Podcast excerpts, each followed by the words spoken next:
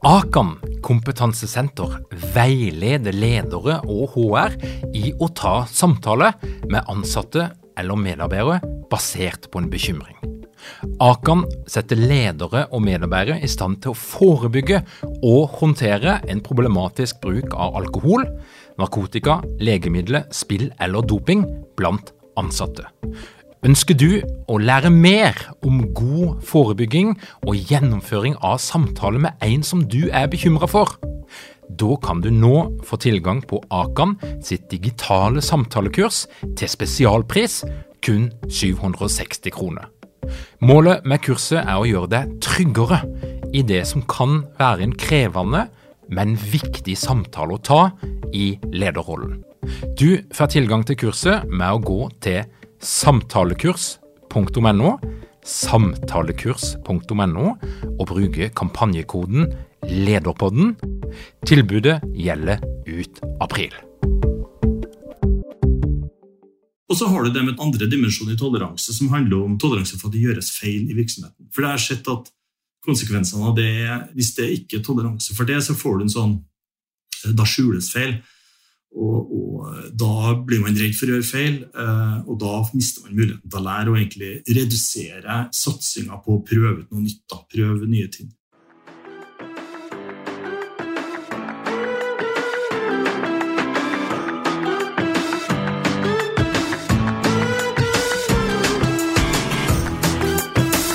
Velkommen til Lederpodden. Mitt navn er Tor Åge Eikrapen. Jeg jobber som organisasjonspsykolog, og dette her er en podkast om ledelse.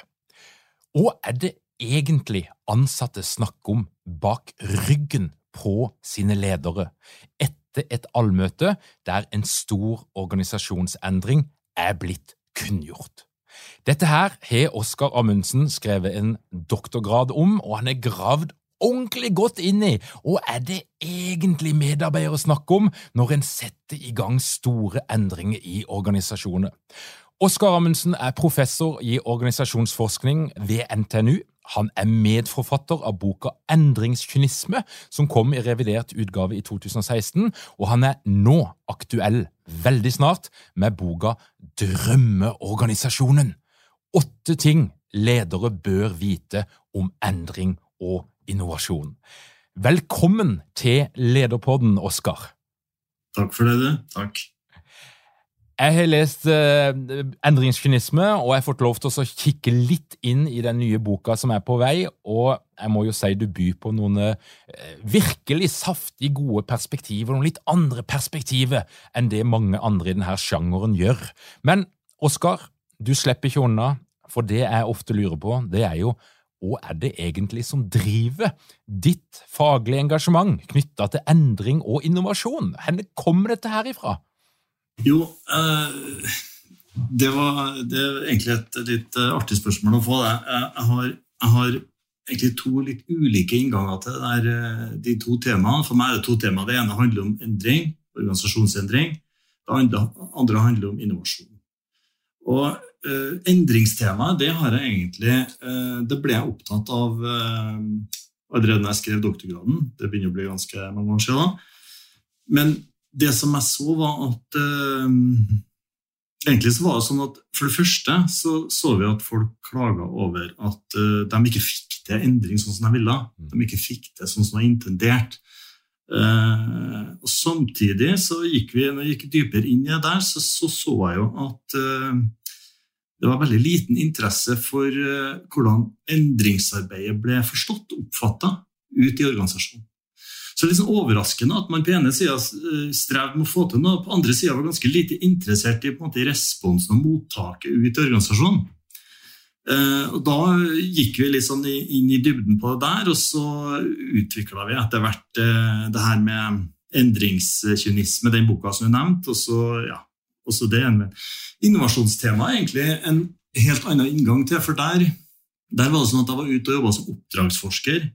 Eh, det er år siden det òg, da, men, men da, eh, det kom litt senere. For da, da fikk vi et oppdrag fra Næringsdepartementet om å lage en håndbok som skulle bidra til å øke innovasjonsevnen i arbeidslivet.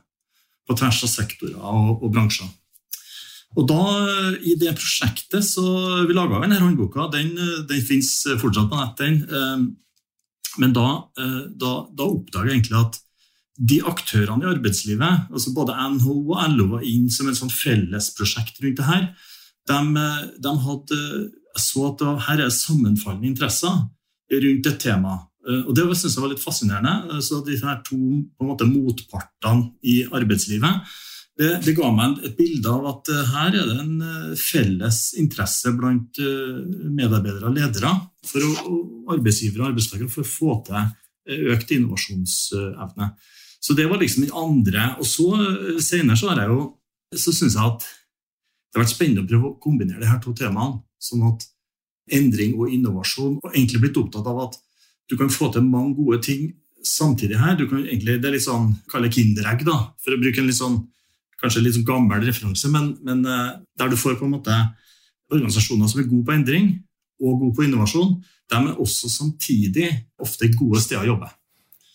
Og de tre tingene samtidig kan du få til i en, hvis du, med samme tankegods.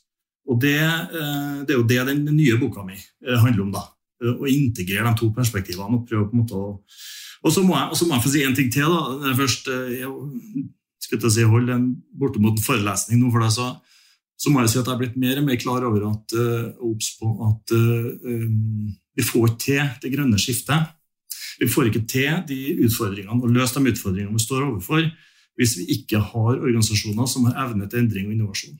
Uh, akkurat nå er det jo blitt ekstra oppmerksomhet rundt det her med de utfordringene vi står overfor rundt det grønne skiftet og klima. og sånn, og da, da snakker man om politikerne, og det, det, er viktig. og det er på en måte De skal sette rammefaktorer osv. Men, men det, de som skal gjøre det her, det er virksomhetene og folk ellers. Så det har blitt en sånn interesse som har en måte uh, ja, som, som, jeg syns gjør at det spennende å jobbe med temaet.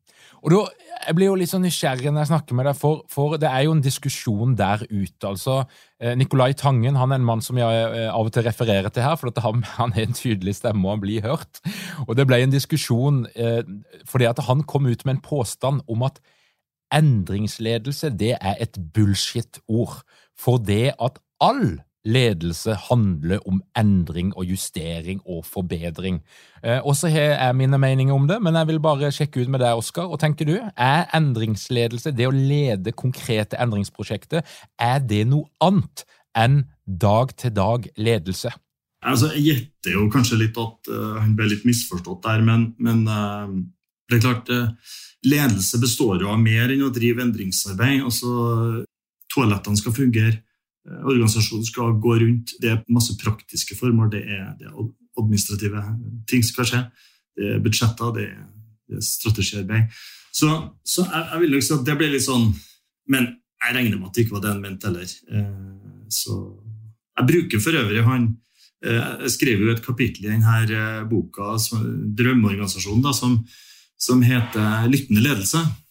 Eh, og, og, og, og, der bruker jeg utgangspunkt i, eh, i en ting som Nicolai Tangen sa i, en, eh, i, et intervju, der han egentlig sa at det var hans hovedtilnærming til ledelse. Så, så vi er mer der, tror jeg. Det er godt å høre, men hvilken motsetning er det vi, vi stender i, da? Altså, for he, Vi kan godt si, gjøre det litt enkelt og si at vi har et medarbeiderperspektiv, og der en ofte da tenker at medarbeiderne er noen som blir utsatt for endringer som er initiert av en ledelse med et lederperspektiv, og som ikke det var nok. Hvis du kommer i store nok organisasjoner, så er det òg et eierperspektiv. Eh, vi kan tenke oss private equity-fond som kommer inn som eiere. De har sine egne ambisjoner. Lederne skal få dette her igjennom, og, medarbeiderne må være med på det. Men hva er de klassiske motsetningene i de her ulike perspektivene? Nei, altså det som, eh, det som eh, En vanlig feilslutning da, når man gjør, iverksette, skal iverksette endring da, og jobbe med endringsprosesser, det er at man feiltolker motstand i organisasjonen. Sånn at jeg tenker Den, den fornuftige tilnærminga er jo at liksom man kan godt si at det, altså, Vi skal ikke legge skjul på at det kan være ulike interesser noen gang mellom, eh, mellom leder og, og, og, medarbeider. Det er greit, men samtidig er det sånn at uh, man er helt avhengig av hverandre for å lykkes med å få til det her. For hvis du skal få til endringer og utvikling i organisasjonen din, så er det jo ikke du som leder som faktisk skal stå for selve utførelsen av endringene. Det er jo dem som jobber nærmere, nærmere en praksis. ikke sant? Eh, en, en eh, kjerneaktivitet eller eh, den egentlige virksomheten da, som skaper verdi. Og, og om det er offentlig eller privat sektor, så, så jeg vil nok si at en god tilnærming er jo å tenke at når det ytes motstand, så kan det være mange grunner til det. Og det kan være sånn at uh, motstanden er, den inneholder kunnskap som du trenger da, for å lykkes når du skal få til endring. Uh, for Hvis ikke så kan du gjøre egentlig endringer som eh, gjør organisasjonen din dårligere eller ikke bedre. altså Endringer som skaper trøbbel og hindringer for folk til å utføre jobben sin godt. Så egentlig sånn sett så, eh, så er ikke det at man skal lage liksom et sånt harmoniperspektiv, men, men, men, greia er at det er smart å tenke at det som kommer av respons, reaksjoner, om de er negative eller positive, det er kunnskap som du trenger for å lykkes eh, med endringsarbeidet. Så det er liksom det som Eh, syns at det er liksom sammenhengen der, da, og en slags hovedfunn da, i, eh, i, eh, i den boka. Og så eh, er det jo sånn at ledere trår litt feil av og til. Det er iallfall min erfaring når jeg kommer ut i organisasjoner der det har foregått store endringer. Så er vel min erfaring da, det er jo at eh, det psykologiske og kulturelle aspektet har blitt tillagt for lite vekt tidlig i prosessen. Og, og det gjør at du av og til får en forsinkelse, eller at du klarer ikke helt å få til det som du ønsker. Men, men eh, du har jo en mer forskningsmessig tilnærming, Oskar, og, og hva er det du ser? Henne er det norske ledere ofte bommer litt når de setter i gang store endringer? Nei, altså, vi har jo, Det er noen litt sånn, uh, sånn overraskende, kanskje, eller overraskende, men i, i hvert fall ting som uh, skal være litt obs på. Det ene er jo at vi har jo en, uh, altså utgangspunktet så har vi veldig gode forutsetninger i vårt arbeidsliv kulturelt for å, for å få til det her. Vi har jo mange kvaliteter. En av dem går jo på at det er, det er vanlig å tenke at man skal trekke med medarbeiderne på det man driver med. Så det, det er jo en det er en viktig ting. Men samtidig da, så ser vi jo det at uh, det vi kaller pseudomedvirkning, eller falsk medvirkning, kan man kanskje kalle det, det er at uh, det jobbes uh, med medvirkningsarbeid der man prøver å trekke, vi ønsker å trekke inn folk, men egentlig ikke ønsker å høre på dem og det de har å si. sånn at Hvis man først går ut og skaper forventninger om at nå skal det være innflytelse, som jo er liksom en slags ryggmargsrefleks hos de fleste norske ledere, faktisk, da må man mene det. Eh, hvis ikke så får du skuffelse og frustrasjon og etter hvert en sånn utbredelse av mer kyniske holdninger som vi har, har funnet. Så, så, det er liksom de, eh, og det er ikke førsten som sier det her, men, men, eh, når du først går inn og skal, skal trekke folk inn i så, så, må du da tenke litt sånn Hva er gjenstand for medvirkning nå? Hva er det ikke? Hva er innenfor de rammene som vi nå skal la dere få innflytelse på, og hva er utenfor de rammene? For uh, folk tolererer på en måte at de ikke skal være med å bestemme alt. Men uh, det her med å liksom bli uh, liksom være med på sånn liksom-medvirkning, høring, som egentlig viser seg å ikke ha noe å si, det svekker jo endringskapasiteten i organisasjonen. Det, det, det er ganske sånn entydig. Så, så det er nå én ting som er litt sånn ja, en liten, en liten NPS-NB der, da. og hvilke andre ting er det dere ser i det norske landskapet der dere er ute? I, altså du har jobba i mange forskjellige store og små norske virksomheter og, og, sett på hvordan de jobber med endring. Hvilke andre feller er det ledere ofte går i?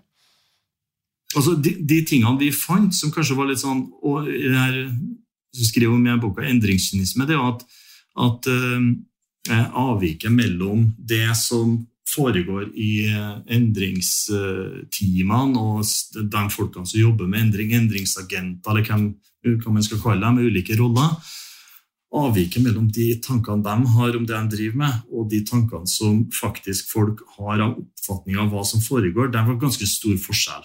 Det her med vi har jo fem, egentlig gruppert det til fem sånn empiriske funn da, som vi Eh, som vi liksom eh, eh, roper et lite varsko om. Og Det ene er jo det her med endring for endringas skyld, som er en sånn, sånn nærmest en slags klisjé, men, men samtidig så, så, er det noe vi ser at man driver jo egentlig ikke med endring for endringas skyld. Altså, det er jo ikke absurd opptreden. Men hvis det oppfattes sånn når du kommer litt unna endringsarbeidet, så, så vil det på en måte framstå som en sånn uh, unødvendig prosess som man ikke trenger å engasjere seg i. Da. Så, så det er en av tingene. Uh, og så har vi jo sett også en del eksempler på at uh, det som foreslås, og det som tas initiativ til, det det har en dårlig overensstemmelse med den praksisen som de her folkene som jobber i, i, på, mer sånn, på gulvet i organisasjonen, eller de som utfører da, en kjernevirksomhet, eller hva man skal kalle det.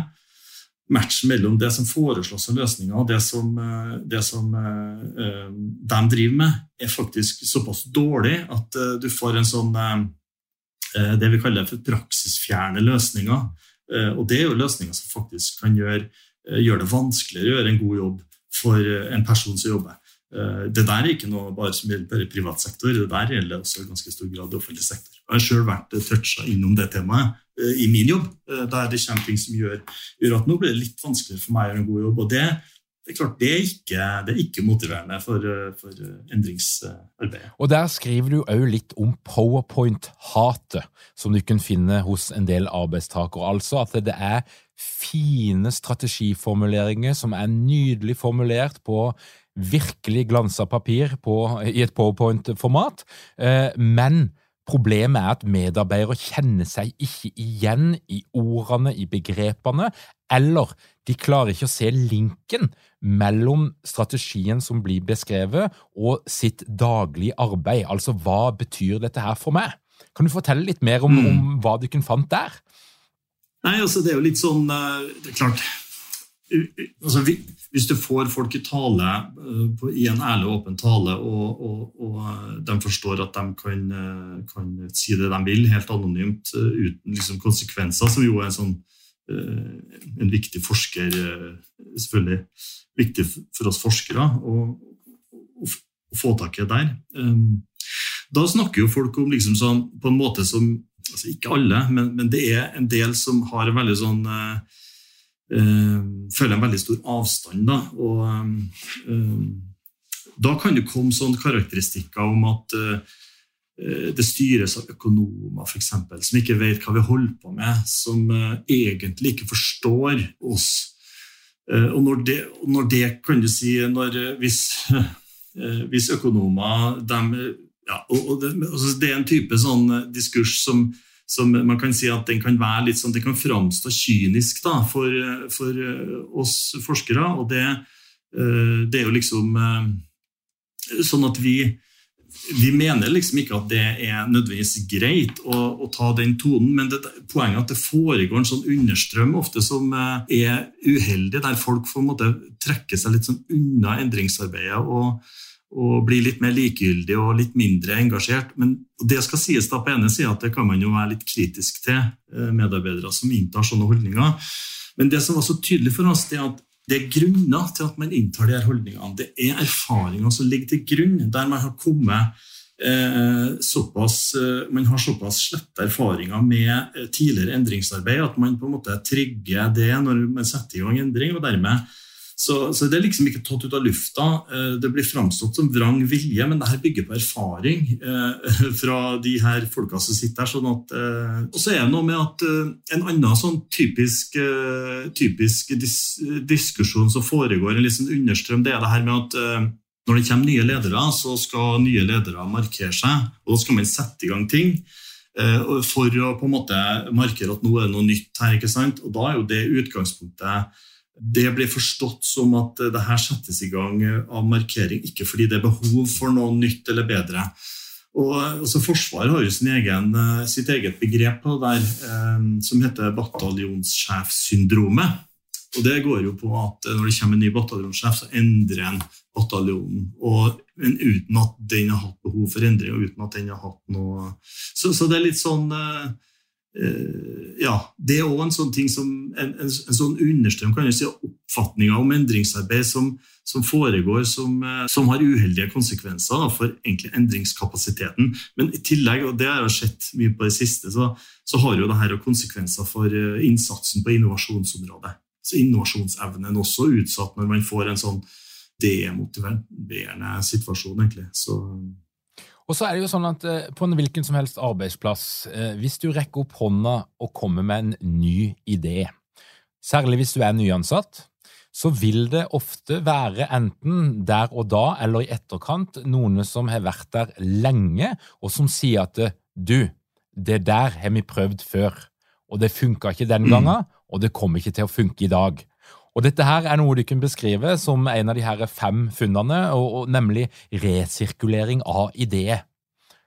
Og det jeg lurer på, det er jo er det sånn at det, det egentlig er resirkulering av ideer, og at det er helt reelt at en da ikke skal forsøke det nye? Eller er det egentlig noen dårlige holdninger hos medarbeidere, som da har en tendens til å møte alt nytt med et nei? Nei, altså, Du kan ikke se bort fra at uh, noen er, er vrang uh, og syns det er, og er lei og, og, og ikke veldig motivert. Men, men det, det, som, det, som, har skjedd, er jo at hvis du, hvis du på en måte Én ting er at du kan, du kan uh, legge litt vekt på å knytte an de endringene du gjør, til det som har foregått tidligere. Du kan vise at det er noen sammenhenger her. For vi har, vi har også funnet også ut at det, det, virker som um, folk etterlyser på en måte hvilken betydning og hvilket resultat tidligere endringer har hatt. Så man får liksom ikke tak på hva skjedde forrige gang. Fikk vi noe ut av det? Så en, Det er en lederoppgave å knytte den til det som har foregått tidligere, og, og på en måte vise at det er noen sammenhenger. Er det ikke mange ledere uten trening eller utdannelse innen ledelse? Mangler dere en felles kultur og praksisforledelse? for ledelse? Ønsker dere å være bedre rustet for fremtidig vekst og endring? Da kan et internt lederutviklingsprogram være en god investering. I Execu så er vi eksperter på å designe og gjennomføre bedriftsinterne lederutviklingsprogram. Hvis du ønsker å lære mer om hvordan vi kan hjelpe dykken til å få enda bedre ledere, ta og klikk deg inn på execu.no.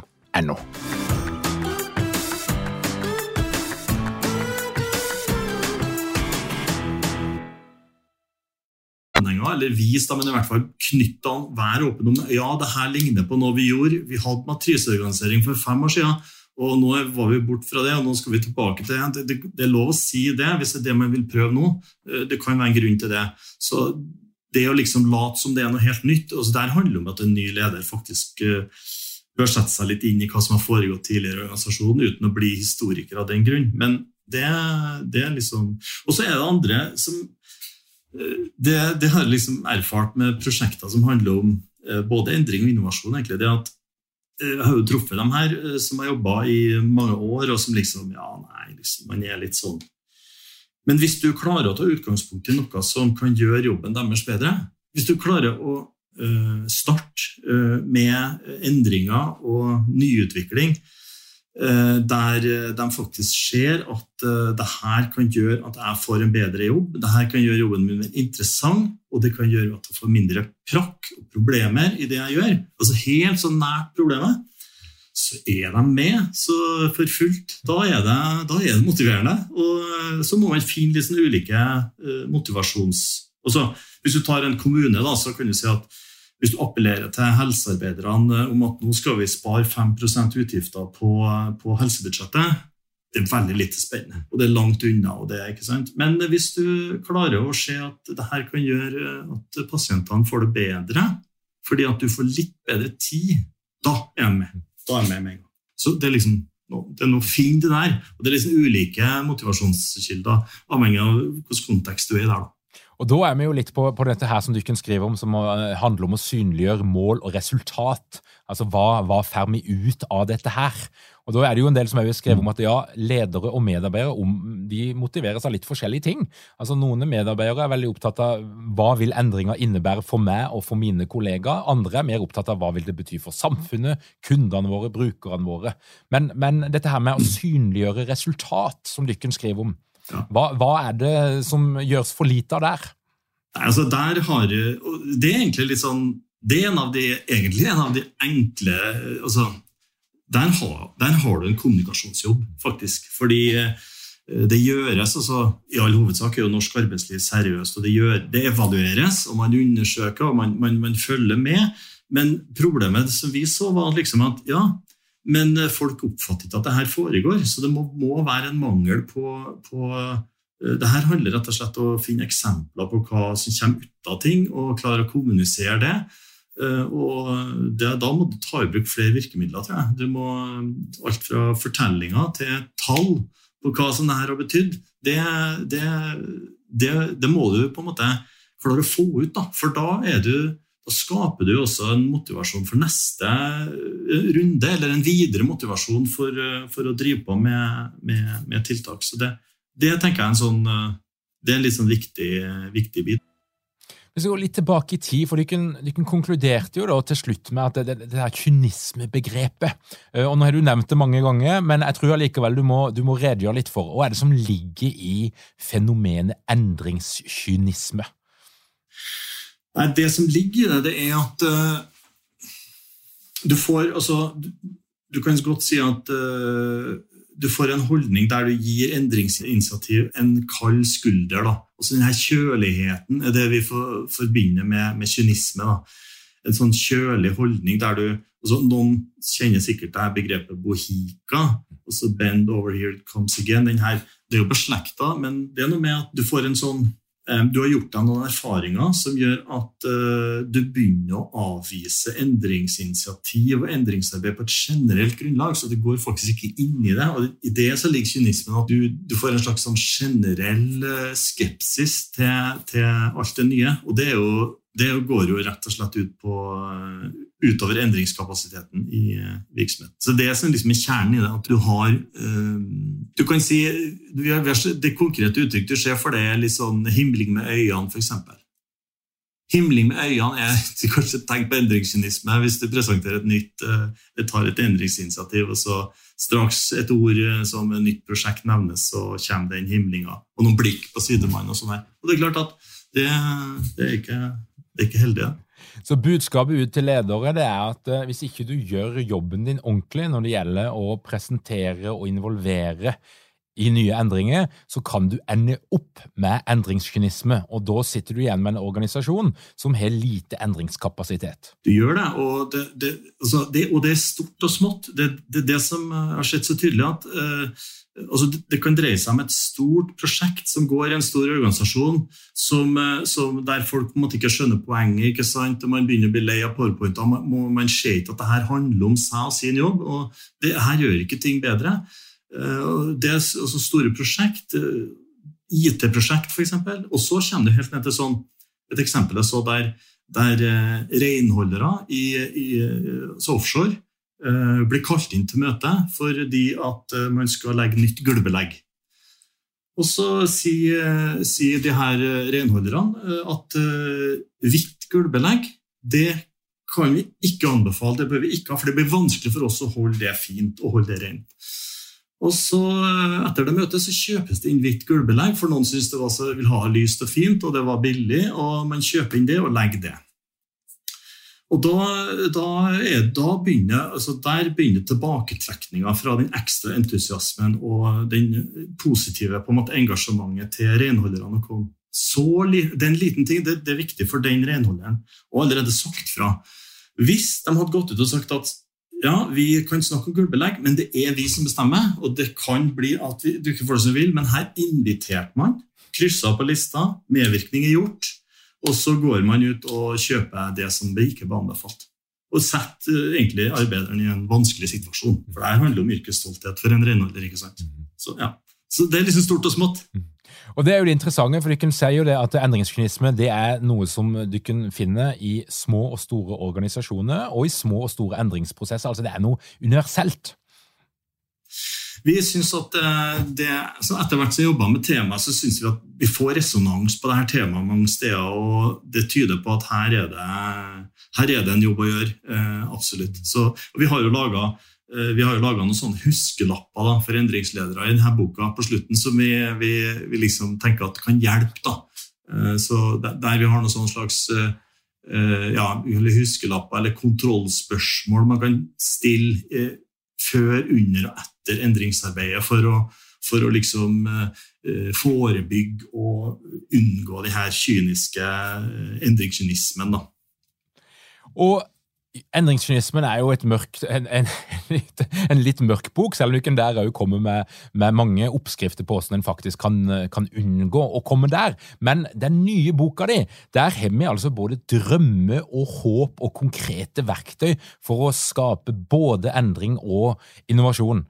Oskar, kan ikke du fortelle litt, hva er, hva er det viktigste som ledere vil kunne ta med seg ifra denne nye boka di?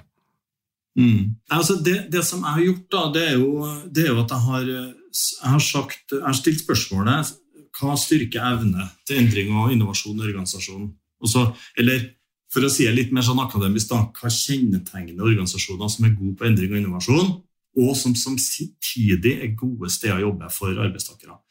Og Sett gjennom den, den, faglige linsa der, da, så ser jeg på en måte, eh, har jeg funnet åtte tema som jeg Eh, viser da hvordan påvirker endrings- og innovasjonsevnen. Og så har jeg også da tatt en sånn uh, vrangside av den og en slags motsatt side av den og vist at det her er på en måte de positive vinklingene, men det har også Jeg viser en god del eksempel og bruker case som egentlig viser når du ikke uh, gjør det, når det ikke er sånn som uh, ja, at du svekker evnen til endring og innovasjon. Så det er det som liksom jeg har og hvis du skal, Jeg har de åtte, åtte temaene. Jeg kan si at eh, Hvis jeg skal plukke ut noen som er liksom, i hvert fall ganske relatert til det vi har snakka om nå, så, så har man jo det her med å unngå falsk medvirkning, selvfølgelig. Eh, det er det ene. Det har vi jo snakka om. Eh, lyttende ledelse, et eh, kapittel som heter. Det, det handler om å lytte, ikke bare for å få tak i den kunnskapen som som du trenger for å drive endringsarbeid, men også for å få tak i ideer til rundt innovasjon. Du må, du må, det foregår ting i organisasjonen din som du kanskje ikke eh, vet om, og som eh, kan løftes opp og som kan systematiseres. Og så har du jo det her temaet med eh, toleranse, som er en av de kjennetegnene som, eh, som denne drømmeorganisasjonen har. Og, og, I det så legger jeg på en måte to ting. Det ene er toleranse i betydningen diversitet eller mangfold. Da. Eh, og da snakker vi jobb, det jeg kaller for jobbrelevant mangfold. Eh, det vil si, altså, om du er fra det ene eller andre landet, det er på en måte ikke det poenget, at du kan bringe inn ulike perspektiv. Og så har du noen forutsetninger som ligger til grunn for det, og det går jo på um, det med å erkjenne at andre har noe å bidra med som du kanskje ikke vet sjøl. Altså det, det begrep som organisasjonspsykologer bruker. Du, du, er jo det, så du kanskje kjenner som flertydighetstoleranse. Så et veldig sånn komplisert ord. da. Men det å faktisk forstå og, og, erkjenne at det er noe andre har noe å bidra med som kanskje ikke du vet, det er faktisk ingen selvfølge. Uh, og det, det, er noe som, uh, som uh, Og så har du det med to, andre dimensjoner i toleranse, som handler om toleranse for at det gjøres feil i virksomheten. For det er sett at konsekvensene av det er ikke Hvis det ikke er toleranse for det, så får du en sånn Da skjules feil. Og, og, da blir man redd for å gjøre feil, eh, og da mister man muligheten til å lære og egentlig eh, redusere eh, satsinga på å prøve ut noe nytt. Da, prøve nye ting. Så det er, det er noen eksempler da, på, fra, fra, fra drømmeorganisasjonen. Da. Og Da ble jeg jo litt nysgjerrig på hvilke norske organisasjoner er det du vil eh, gjette på at ligger nærmest en drømmeorganisasjon? Oi. Oi, oi, oi. Uh, ai, ai, ai. Du, um, ja, så det vil du faktisk at jeg skal si. Ja. Det var jo uh, Jeg jobba i et forskningsmiljø en gang som uh, jeg syns hadde mange kjennetegn uh, når jeg var, når jeg var stipendiat, og der jeg senere var oppdragsforsker. Så det, det, det, var et miljø som på en måte hadde mange kjennetegn. Og så har jeg en, skal jeg nevne en, en bedrift her i byen som heter Cantega som eh, er en sånn IT-bedrift som, som, også har eh, Det skjer gjennom dialog med dem at de, der er det veldig mye som er, er veldig bra, uten at nødvendigvis eh, alt er, alt er perfekt. Men det, det, er liksom sånn. Vi har jo i denne håndboka som jeg nevnte tidligere, så, så, så, har vi jo, der var vi jo inn i en del uh, ulike bedrifter. Både industri og, og offentlig og, og, IT. egentlig. Så der fikk vi noen eksempler. Men da fikk du i hvert fall ett lokalt her. da. Så, ja. Men det er en god del eksempler i i den boka på Jeg bruker ledere som uttaler seg fra forskjellige organisasjoner. Alt fra oljefondet til, til Rema 1000 osv. Som, som, som jo også har noen trekk som kan, kan ligne, men ikke sant? det trenger ikke bety at du har alt på plass. Det er jo derfor jeg kaller det drømmeorganisasjon. Det er kanskje ingen som helt innfrir alt. da. Når en snakker om ledelse og endring, så er det veldig ofte at vi ser til John Cotter, den store amerikanske guruen. Eh, og jeg har jo lenge lengta litt etter noen motstemmer mot Cotter, og der har jeg faktisk hørt at du har et par argumenter for hvorfor John Cotter nødvendigvis ikke trenger å være den bibelen du skal lese hvis du skal gjennomføre endringer i en norsk kontekst? Altså, jeg syns at uh, det Skriver vi om Kotter, ja? Ja, det gjør vi kanskje. Jeg husker ikke men vi, vi gjør kanskje jeg, Nei da, du, du har sagt det. Jeg tror jeg hørte på en podkast eller noe lignende, så at det har falt ja, okay, noen kommentarer. Okay, ja. Mulig. Mulig. Nei, altså, det, det, som eh, Det er jo det her uh, Vi ser jo det også i denne boka, at denne lineære tilnærminga, eller denne fasetenkninga, der du starter altså de stegene til Kotter? De, de, det, er jo, det, er jo, mye bra i det Kotter sier, men, men, det å tenke at eh, endringer skal foregå fra et, eh, et punkt, og så skal det gå framover og framover og framover, og så det ser jeg på en måte at eh, det er en av grunnene til at det oppstår de tingene vi fant, faktisk, i at man tenker sånn. Så man, man skulle heller prøvd å altså Det satt en idéutvikling så på en måte den nyutviklingsboksen da, i midten, og heller hatt sam, samarbeid om den allerede i utgangspunktet når du skal endring, gjøre endring. Så, så, egentlig eh, Det er mye som tyder på at uh, du sparer altså Det er noe som er fristende å hoppe over, men du sparer inn det på sikt hvis du jobber litt mer sånn uh, tenker litt felles rundt det, da, og ikke tenker så lineært på endring som en sånn enveisprosess. Og det vi, det vi, har sett, er jo at altså når, eh, når, man er gjennom endringsprosesser, endringsarbeid, så, så er det en del som, eh, som altså, sett rare ting som ledere som sier at jobben min nå, nå har vi satt i gang jobben min nå, det er å holde meg for ørene og la folk sørge over at den tidligere situasjonen er borte. Og de vil knytte seg til endringer framover når vi bare kommer videre på denne linja framover. Men den holdninga er jo veldig problematisk. fordi at uh, denne holdninga om at man skal holde seg for ørene og la folk sørge, altså sammenligninga mellom endring og egentlig reaksjoner på endring som sorgarbeid, da, den har, den har uheldige konsekvenser, særlig fordi det, det betyr det at du ikke har tenkt å ta inn noe av de argumentene og de reaksjonene folk har. Så det kan være faglig uenighet. Det kan være at det du setter i gang, betyr problemer, ekstra dobbeltarbeid, negative konsekvenser uintendert. ikke sant? Så hvis man har den modusen på seg, at man, det gjelder å holde seg for ørene og stå i det, som mange ledere snakker om, og det er sikkert mye bra å stå i det, men akkurat når det gjelder her, så skal man i hvert fall være uh, åpen for, uh, for uh, ja. Mm. Og så Når det gjelder forskning på organisasjoner, så er det jo ofte sånn da, at det er et sprik mellom det vi vet ifra forskning, og det som praktiseres ute i de ulike bedriftene. Og Hvis du skal være litt eh, generalist og, og litt generell, og hvis vi skal se på Norge i dag, hvor stort er dette her spriket mellom hva vi vet fra forskningen når det gjelder det å gjennomføre endringer, og sånn som det faktisk gjøres i praksis? Mm. Nei, jeg, jeg, har, jeg, har, ydmykhet for, for, at det foregår ting i praksis som, som, gjør at verden er litt mer komplisert enn den kan se ut fra altså Det er på en måte lettere å være en, en forsker som står på sidelinja og kommenterer.